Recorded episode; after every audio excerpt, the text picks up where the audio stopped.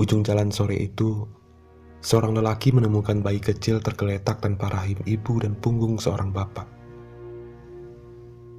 Bayi itu tidak menangis. Dia malah asik tertawa melihat tingkah hujan yang sedang mencubit pipinya. Hujan memang sayang pada anak-anak, melebihi anaknya sendiri.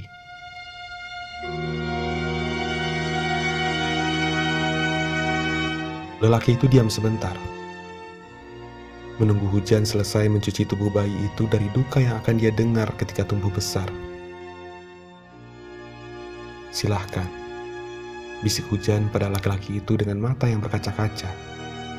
Hujan kemudian pergi, memilih pulang ke dalam puisi Sapardi.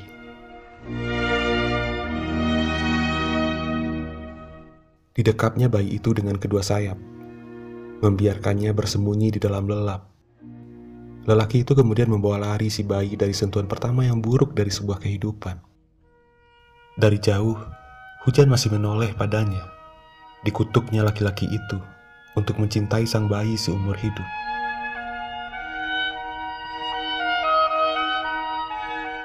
Bertahun-tahun kemudian, bayi itu sudah jadi gadis remaja. Wajahnya teduh karena air matanya mudah jatuh.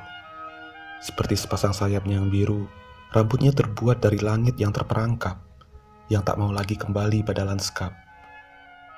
Hari ini, ia akan bertemu ibunya, seperti janji lelaki yang telah membesarkannya. Laki-laki itu kini tinggal separuh bayangan, karena setengah dirinya sudah ia hibahkan pada kedamaian. Setelah pertemuan nanti, ia akan kembali menjadi pengumpul mimpi di bawah bantal gadis itu pagi-pagi sekali. Mata gadis itu berlinang. Air matanya runtuh tanpa aturan.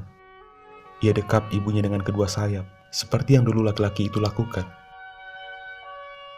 Mata ibunya berkaca-kaca, sama berkaca-kacanya seperti kala itu, ketika ia menyerahkan gadis itu pada seorang lelaki di sebuah sore di ujung jalan.